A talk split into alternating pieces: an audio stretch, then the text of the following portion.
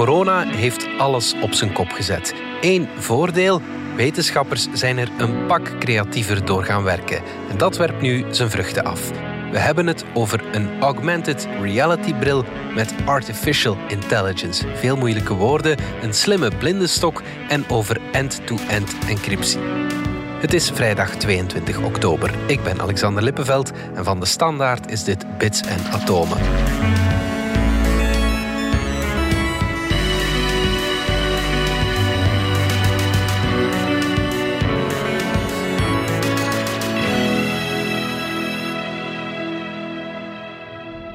Dominique Dekmijn, technologiejournalist en Pieter van Doren, wetenschapsjournalist.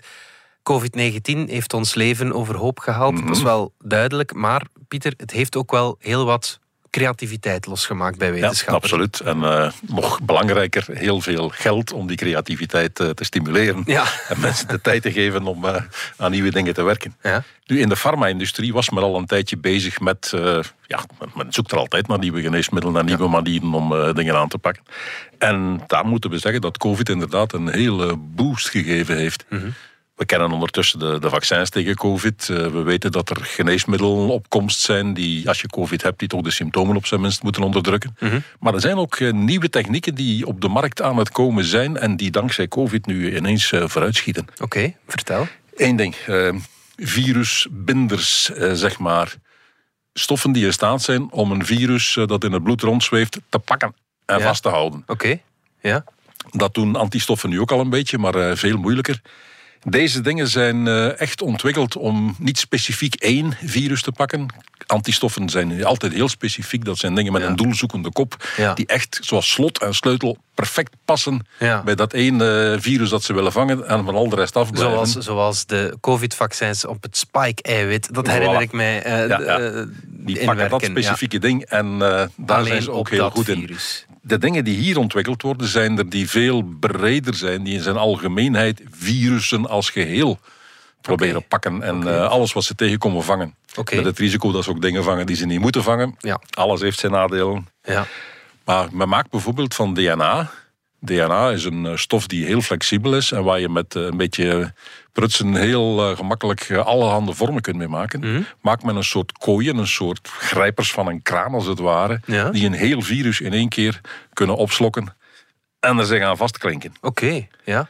En dat is bijvoorbeeld uh, tegen dengue, uh, krokkelkoorts, is dat, was dat al in de maak. Ja, dat is zo'n uh, virus, klassiek als je naar een ver land op reis gaat, dan moet je daarvoor, daartegen ingeënt Dan moet je daar tegen ingeënt zijn. Ja. Nu, en die zijn nu ook bezig om dat tegen covid uit te werken. Ja. Natuurlijk, het ene bevrucht het andere. Ja, ja, ja. ja. Dan zijn er ehm, stoffen die als doelwit dienen voor allerhande virussen. Mm als een virus zich in een cel binnenwringt en de cel dwingt om nieuwe virussen te maken, op het moment dat die naar buiten breken, mm op dat moment krijgen die een, hun eigen wand, een eigen buitenkant. Mm En dat is eigenlijk celwand van de cel waar ze uit ons, ontsnappen. Ze ja. nemen gewoon een stukje celwand mee en plooien dat rond zichzelf. Ja, ja, ja. Zo werkt een virus. Ja.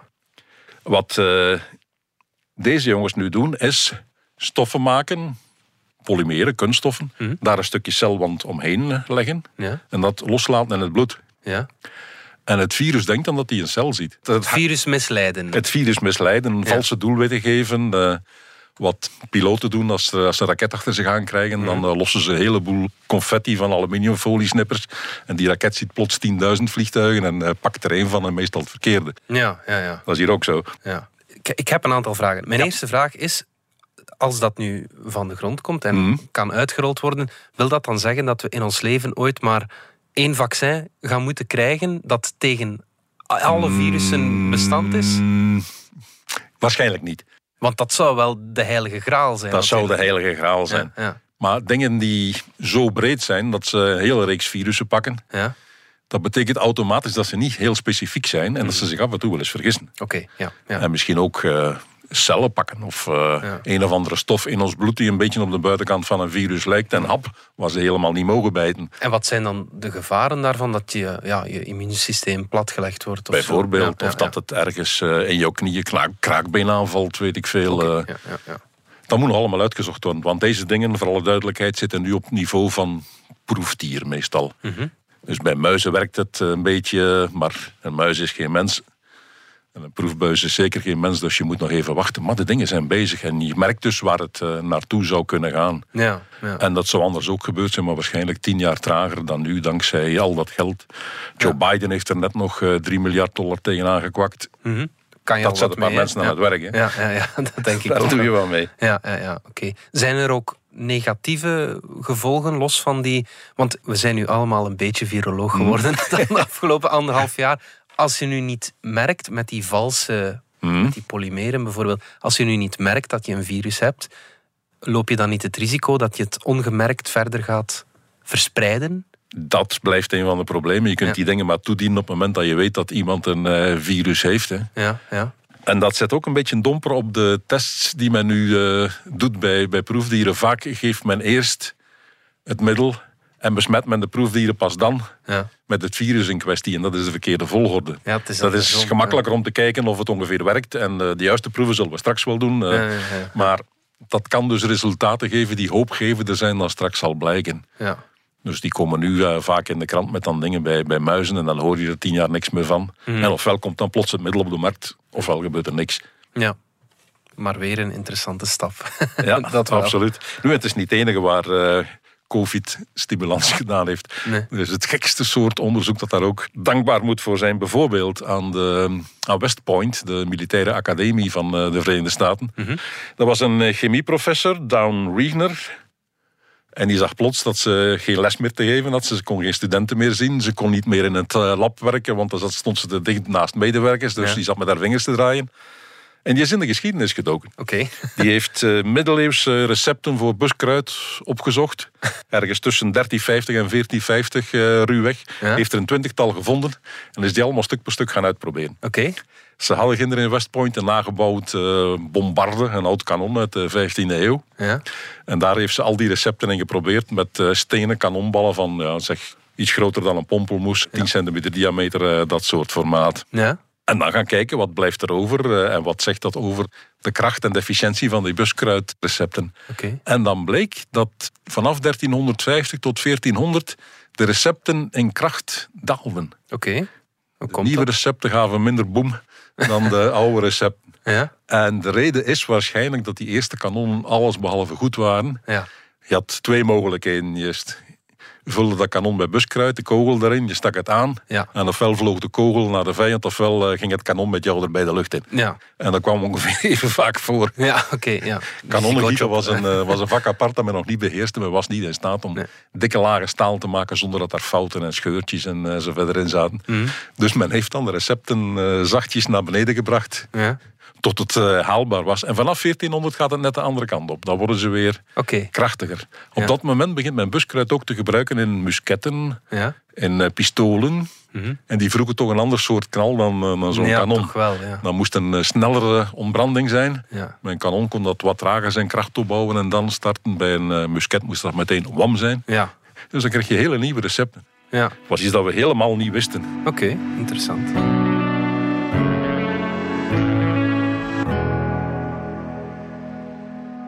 Dominique, je klinkt weer als uh, vanouds tegenover vorige week toen je wat Ja, een beetje, verkouden was. Een beetje verkouden was ik vorige week. Ja, Ja, ja. Gaat nu iets, ietsje beter. Gelukkig. We hebben het al vaak over AR gehad, augmented reality, en ook al vaak over AI, artificial intelligence.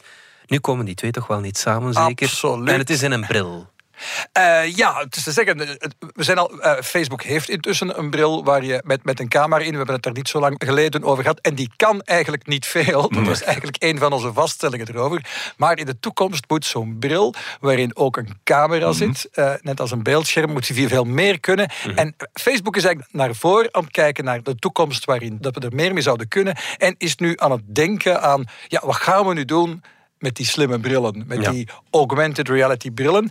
En uh, voor die toekomstige ontwikkeling brengen ze nu iets uit. En dat heet het Ego 4D dataset. Wat is dat? Dat is een hele hoop trainingsmateriaal voor artificiële intelligentie, AI-systemen, deep learning systemen, de huidige AI-systemen worden getraind met heel gegevens. Wel, speciale AI die bedoeld is voor slimme brillen, gaat mhm. nu getraind worden met een dataset dat ze nu zijn aan het maken. Daarvoor zijn... hebben ze weer heel internet leeggeschraapt waarschijnlijk. Maar kijk, dat is net het punt. Hè. Dus in het verleden is, is het vaak zo geweest dat men AI-systemen traint met gegevens die ze van het internet halen. En je moet zeggen, zoals het is, we kunnen er straks even kritisch over zijn, maar wat heel interessant en positief is, is dat Facebook drie dingen heel, heel juist doet mhm. met deze nieuwe dingen. Hè. Ze zijn nu mensen aan het betalen. Mhm. Er zitten ook wel vrijwilligers bij, die dus niet betaald worden, maar tenminste weten wat ze aan het doen zijn. Mhm. Die mensen die de data leveren, gaan het weten dat ze dat leveren, dus het wordt niet zomaar gepikt. En ze gespen die mensen dan een hele goede camera. Ze gebruiken merkwaardig genoeg niet de eigen camera-brillen van Facebook, maar ze zetten een goede uh, GoPro uh, mobiele mhm. camera op de mensen hun hoofd. En ze laten die dan allerlei dagelijkse dingen doen uh, in de keuken, onderweg. En ze filmen zoveel mogelijk alsof je mhm. door de ogen van die mensen meekijkt. 3000 uur video moet zo vergaard worden. Ja. Dat is al flink wat. Het is in ieder geval veel meer dan, dan er tot nu toe bestond. Okay. Waarmee ze dan systemen kunnen trainen om te kijken door jouw ogen. Want wat blijkt natuurlijk, eh, als je een AI-systeem traint om bijvoorbeeld een fiets te herkennen, is mhm. dat meestal een fiets die zijwaarts rijdt, die voorbij rijdt. Maar wat je heel zelden hebt, is dingen die op je afkomen. Bijvoorbeeld in, in, die, in die trainingsgegevens, zij willen specifiek AI trainen om te kijken door de ogen van een mens. als je zelf kijkt, is een fiets alleen maar een stuur en een voorwielen. Precies, dat soort dingen. Herkennen, dat is een fiets, want ik zit erop. Uh, Dingen herkennen die je in je handen hebt. Uh, dus daar zijn ze data voor aan het verzamelen. Dat is op zich iets dat niet bestaat. Maar ze zijn het aan het doen door mensen te betalen of mm minstens uh, studenten te vragen het vrijwillig te doen met zo'n camera al die uren data te filmen. Dat is al heel goed. Ze gaan ineens voor gegevens uit uh, negen verschillende landen. Ze mhm. zorgen voor hele diverse, niet alleen uh, divers van ja, welke kleur zijn die handen nu precies, Hoewel het mhm. zeer, zeer, zeer belangrijk is. maar ook van, ja, wat doen mensen dan bijvoorbeeld in die keuken? Hè? Met mhm. welke, wat, wat hebben ze dan in hun handen? Wat vaak het probleem is met die datasets, is vaak niet zozeer dat ze niet groot genoeg zijn, maar dat ze te, te beperkt zijn. En mhm. men had daar ook geen rekening mee gehouden. En men, men had dan heel veel foto's van uh, dokters en verpleegsters. En men had dan over het hoofd gezien dat de dokters allemaal mannen zijn en de verpleegsters allemaal vrouwen. Ja. Dus als je dat een AI-systeem inherent seksistisch van in een ziekenhuis gaat die zeggen, ah, dat is de dokter, maar dat is een man, en dat is de verlichter, dat is een vrouw. En dat soort dingen. En dat proberen ze al op voorhand uh, mee te pakken. En het derde dat ze goed doen, ten derde gaan ze het ook openstellen voor iedereen. Dus iedereen mag dus dat gegevensset gebruiken mhm. om zijn AI-systeem te trainen, om dan ja, mee te kijken mhm. door jouw ogen als je een slimme bril aan hebt en dan te vertellen wat je ziet. Er zijn heel veel toepassingen waar nu al over gesproken wordt voor mensen met slecht of helemaal geen zicht. Heel veel eh, interessante toepassingen van. Maar de meeste toepassingen waar Facebook natuurlijk op mikt liggen heel ver in de toekomst, mhm. wanneer we inderdaad allemaal met zo'n slimme bril uh, zullen rondlopen. Mhm. Komt dat punt er? Ik heb me dat al vaak afgevraagd of dat wel effectief uh, er ooit gaat komen. Um, wel, uh, Facebook is, is op dit moment vrij voorzichtig. Hè. Ze, ze spreken al, al snel over zo'n horizon van met 10, 10, 15 jaar zouden we graag hebben dat we leven in dat. En dan komt dat woord weer. Hier komt het, metaverse. metaverse ja. Je gaat het de volgende jaren nog vaak horen ook hier in onze podcast, Metaverse. Dus dat is het idee dat het internet zoals dat is, dat we zien op platte schermpjes, wordt opgevolgd door iets dat in 3D allemaal rond mhm. ons zit en dat zich eigenlijk ja, vermengt met, met onze onze echte 3D-wereld. Dat we 3D-figuren zien verschijnen in onze kamer. Of dat we in een 3D-kamer gaan en daar echte mensen zien. Echt en 3D-virtuele realiteit loopt door elkaar. Dat is dat hele uh, metaverse-idee. Gaat dat er ooit van komen? We zullen zien. Uh, maar in ieder geval, Facebook is er hard aan aan het bouwen. Ze hebben ook trouwens uh, net aangekondigd, ik weet niet of, of, iemand dat had opgemerkt, dat ze 10.000 mensen in dienst gaan nemen in Europa. Wow. En die gaan allemaal meewerken aan AI. En met name AI om die metaverse uh, te gaan bouwen, waar ze de volgende tien jaar mee bezig willen zijn. En wat toch ook bewijst, ja, dat dataset is dan een heel klein mm begin. Die, die ego voor die dataset waar dat we het net over hadden. Maar uh, die, die 10.000 mensen in Europa is dan al wat groter. Maar ja. het is ze werkelijk menens met dat metaverse. Je, je hebt al een paar keer gezegd, dat doen ze dan wel goed dat wil zeggen dat ze ook al heel wat dingen misgedaan hebben. dus dat zijn moeilijke tijden voor, voor Facebook ze proberen heel veel de aandacht te, te, te, trekken naar de dingen waar ze naar de toekomst toe heel goed aan bezig zijn, zodat er wat minder aandacht misschien overblijft voor de, de problemen waar ze nu mee zitten met allerlei gelekte documenten. Het blijft maar lekken daar bij mhm. Facebook. En dan komen toch wel wat, wat dingen aan het licht over wat Facebook afweet van de problemen met zijn bestaande producten. Dus ja, het, het, komt er goed uit dat we het nu uh, eventjes hebben over dingen, fijne dingen die ze in de toekomst voor ons willen bouwen. En wat kan je dan met zo'n slimme bril gaan doen? Wel, uh, het idee is, uh, de suggesties die Facebook doet van toekomstig gebruik mhm. zijn uh, aan de ene kant, ja, stel dat zo'n AI-systeem in je slimme bril zit en getraind is om met je mee te kijken en de dingen te herkennen die je ziet. Uh, Facebook zegt van, wel bijvoorbeeld zou het dan kunnen zeggen, als je hebt je sleutels mislegd en dan kun je vragen aan het AI-systeem, waar heb ik mijn sleutels laatst gehad? En dan zou hij terugkijken en herkend hebben waar je je sleutels hebben gelegd. En dan zal jou kunnen vertellen, daar liggen je sleutels. Iets anders als vertellen is, ik ga hem nu bestellen. aflevering bij de hand om dat te verwijzen. Het is heel nuttig. Iets anders, en daar komen we alweer op een beetje meer creepy terrein, uh, is van, ja, als je dan uh, niet meer weet wie wat wanneer precies mhm. heeft gezegd, zou je kunnen vragen van ja, uh, wat, heeft, wat heeft mijn vrouw mij precies verteld gisteren of zo? Of, of uh, wat zei mijn baas ook alweer? Of wanneer zei je dat? En dan zou het systeem kunnen gaan terug zoeken en scènes terugvinden in die veronderstelling dat uh, alles wat je dan uh, doet en zegt gefilmd en opgenomen wordt. Het is echt die, die ene Black Mirror aflevering, hè, Dominique, als je er is altijd een Black Mirror aflevering bij de. Ja, ja, ja.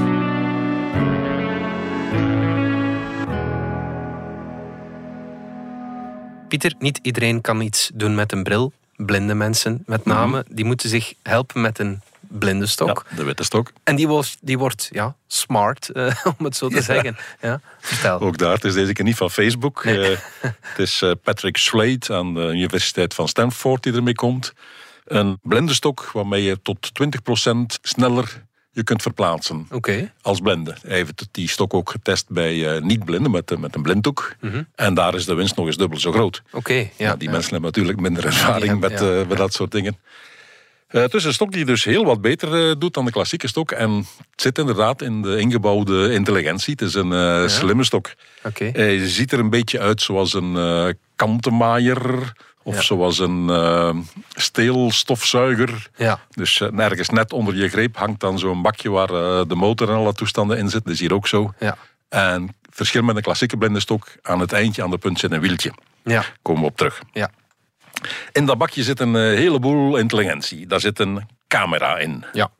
Tegenwoordig is dat niks meer, maar ik herinner mij het begin van mijn carrière ben ik ooit in het onderzoekscentrum van eh, Fiat geweest, die toen aan het proberen waren om hun auto's uh, dingen uh, en obstakels te laten herkennen. Okay, Daar stond bovenop een kist ter grootte van, van zo'n dakkoffer.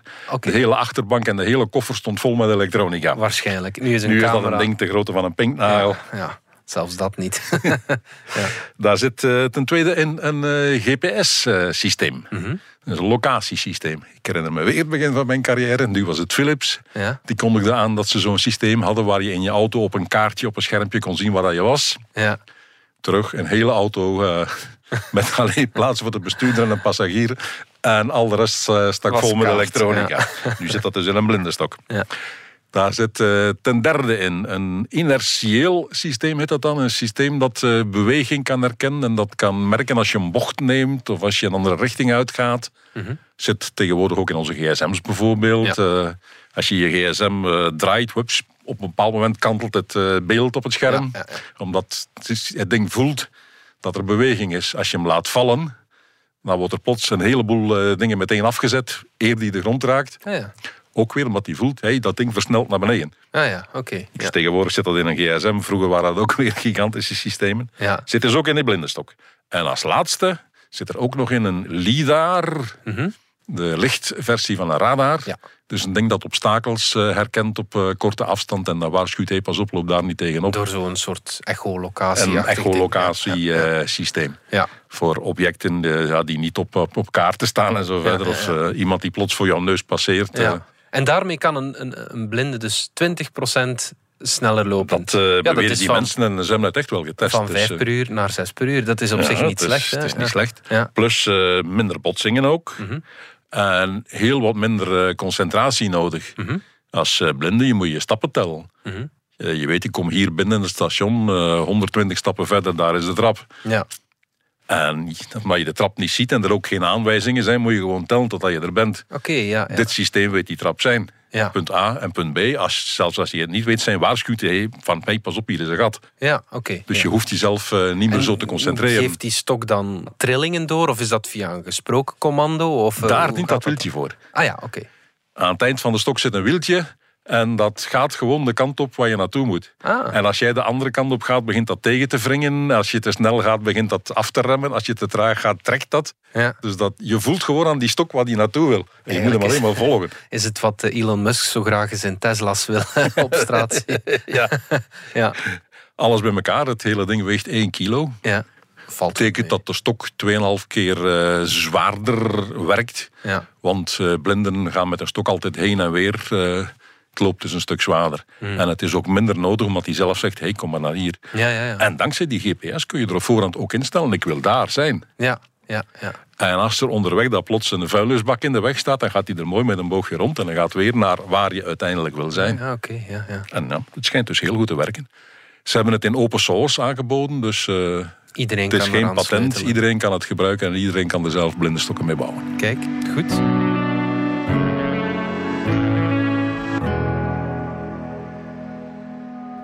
Dominique, minister van Justitie Vincent van Quickenborne, die wil WhatsApp onveilig maken. Dat schreef je afgelopen weekend in je column.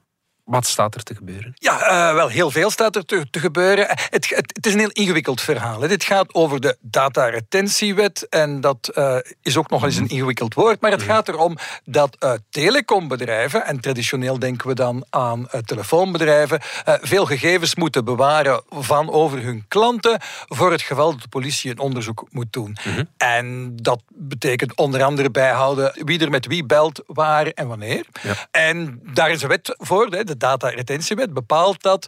En die is op een bepaald moment uh, vernietigd, Mhm. omdat die een beetje te, te verregaand was. Uh, vond uh, met name het Europees Hof vond, die, vond dat eigenlijk een inbreuk op de mensenrechten. Dus bewaren te veel gegevens over te veel mensen aan het bewaren. Ja. Niet goed, die wet moest weg. Moest er een nieuwe wet komen. Die wet is volgens veel mensen nog steeds te verregaand. Maar dat is een ingewikkelde discussie. Maar er is ook iets bijgekomen. En, en daar zijn heel veel specialisten op technologisch vlak over gevallen. En er is zelfs nu wereldwijd een discussie over. Want Mhm. wereldwijd heeft men dan nu gemerkt dat België daar iets heel vreemd van plan is. En namelijk, België wil nu dat apps, uh, chat-apps, uh, allerlei internetcommunicatie-apps eigenlijk, alle, alle apps die mij Messenger, belaten die een privébericht naar jou te sturen of privé met jou te bellen. Hè. Dus niet Twitter, maar wel uh, alles, alles met privéberichten.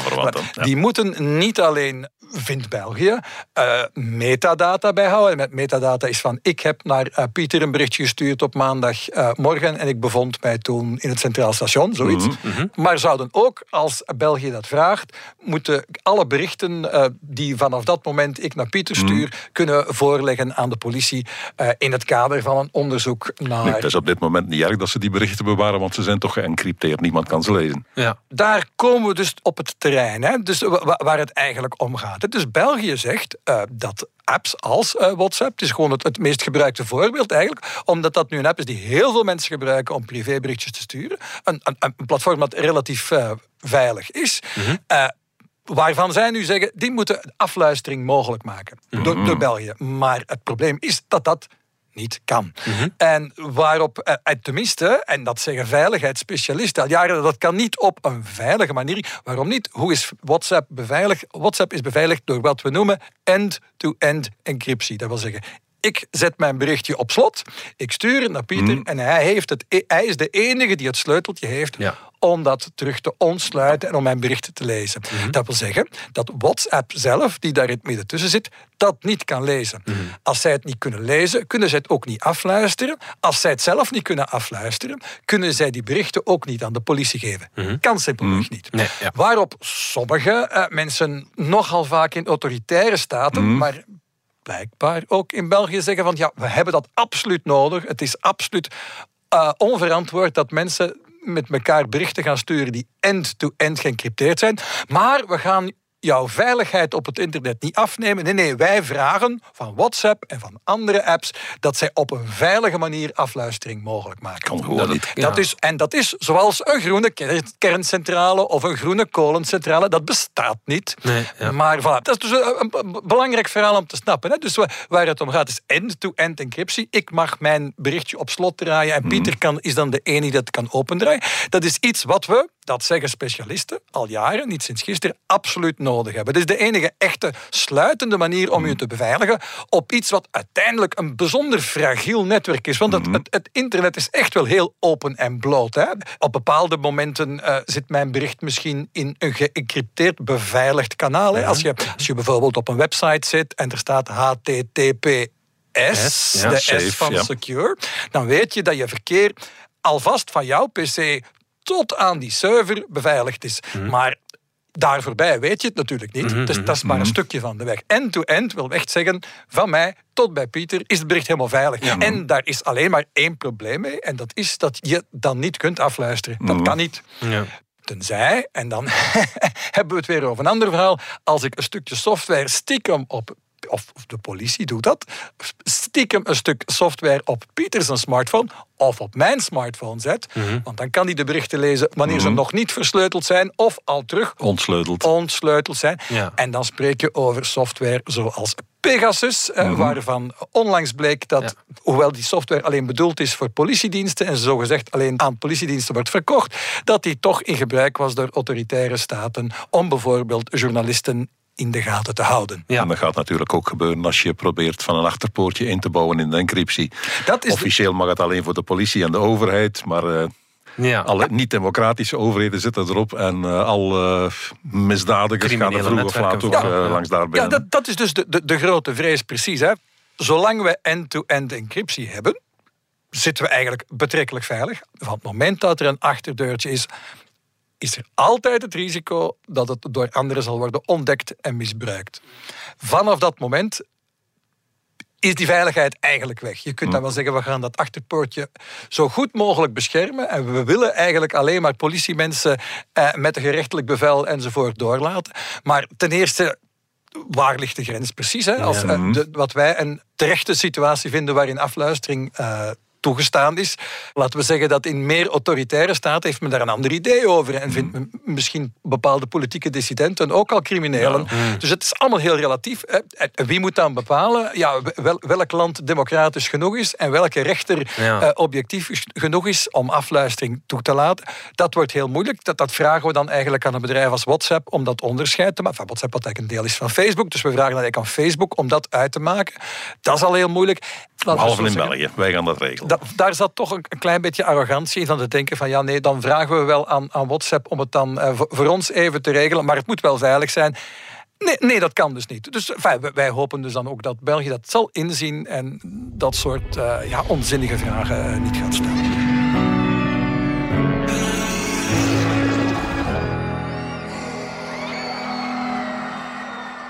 Pieter, de dinosaurussen die stierven 66 miljoen jaar geleden uit, dat weten we. En er zijn verschillende soorten die daarvan beter geworden zijn. Zoals, Ja, zoals wij. zoals wij, om te Nee. beginnen.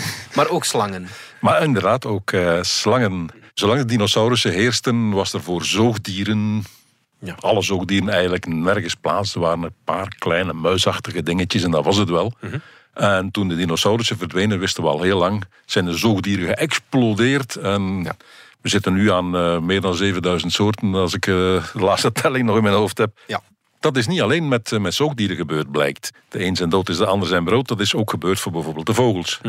Die zijn tot 11.000 eh, soorten uitgegroeid na de dino's. En voordien waren er een paar. Oké. Een handvol. Ja.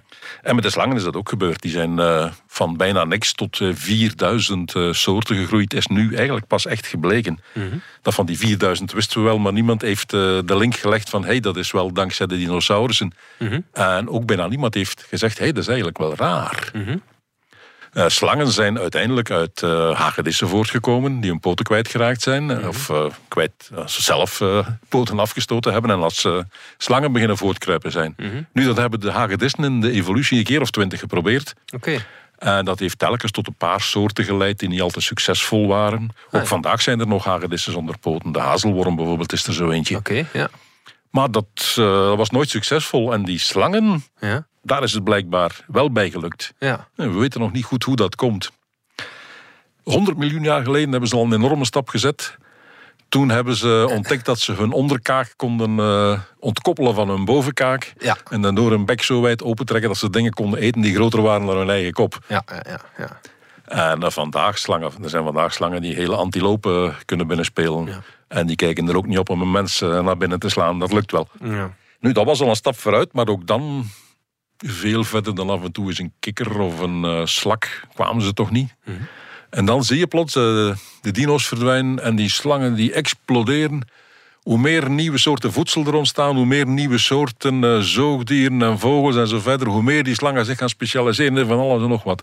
Er zijn er die eieren eten, er zijn er die zich in vogels specialiseren, in vissen, in slakken, in andere slangen, in hagedissen en ook in eh, grootwild, eh, Ja, waar wij dus ook eh, jammer genoeg bij horen. ja.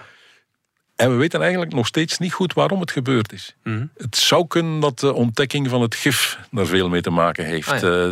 Slangen zijn pas gif beginnen produceren na het verdwijnen van de dino's. Ja, En gif is natuurlijk wel een hele mooie manier om krijgen wat je, dat je wilt hebben. ja. Hoewel eh, de boa constrictor, eh, het soort beest dat de python, eh, de beesten die ons kunnen opeten, die gebruiken geen gif. Die, ja. Die, Burgen. die wurgen. Ja, Dus het is nog steeds niet, niet helemaal duidelijk. Behalve dat aan de bron van alles de dino's liggen, zoals altijd. Zoals altijd.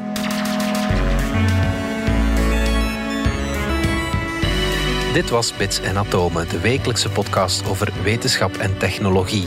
Bedankt voor het luisteren. Ken je trouwens DS Podcast al, de podcast-app van de Standaard? Daar luister je niet alleen naar onze journalistieke reeksen, je krijgt ook elke week een eigenhandige selectie van de beste nieuwe podcasts op de markt. Alle credits van de podcast die je net hoorde vind je op standaard.be-podcast. Reageren kan via podcast.standaard.be. Volgende week zijn we er opnieuw.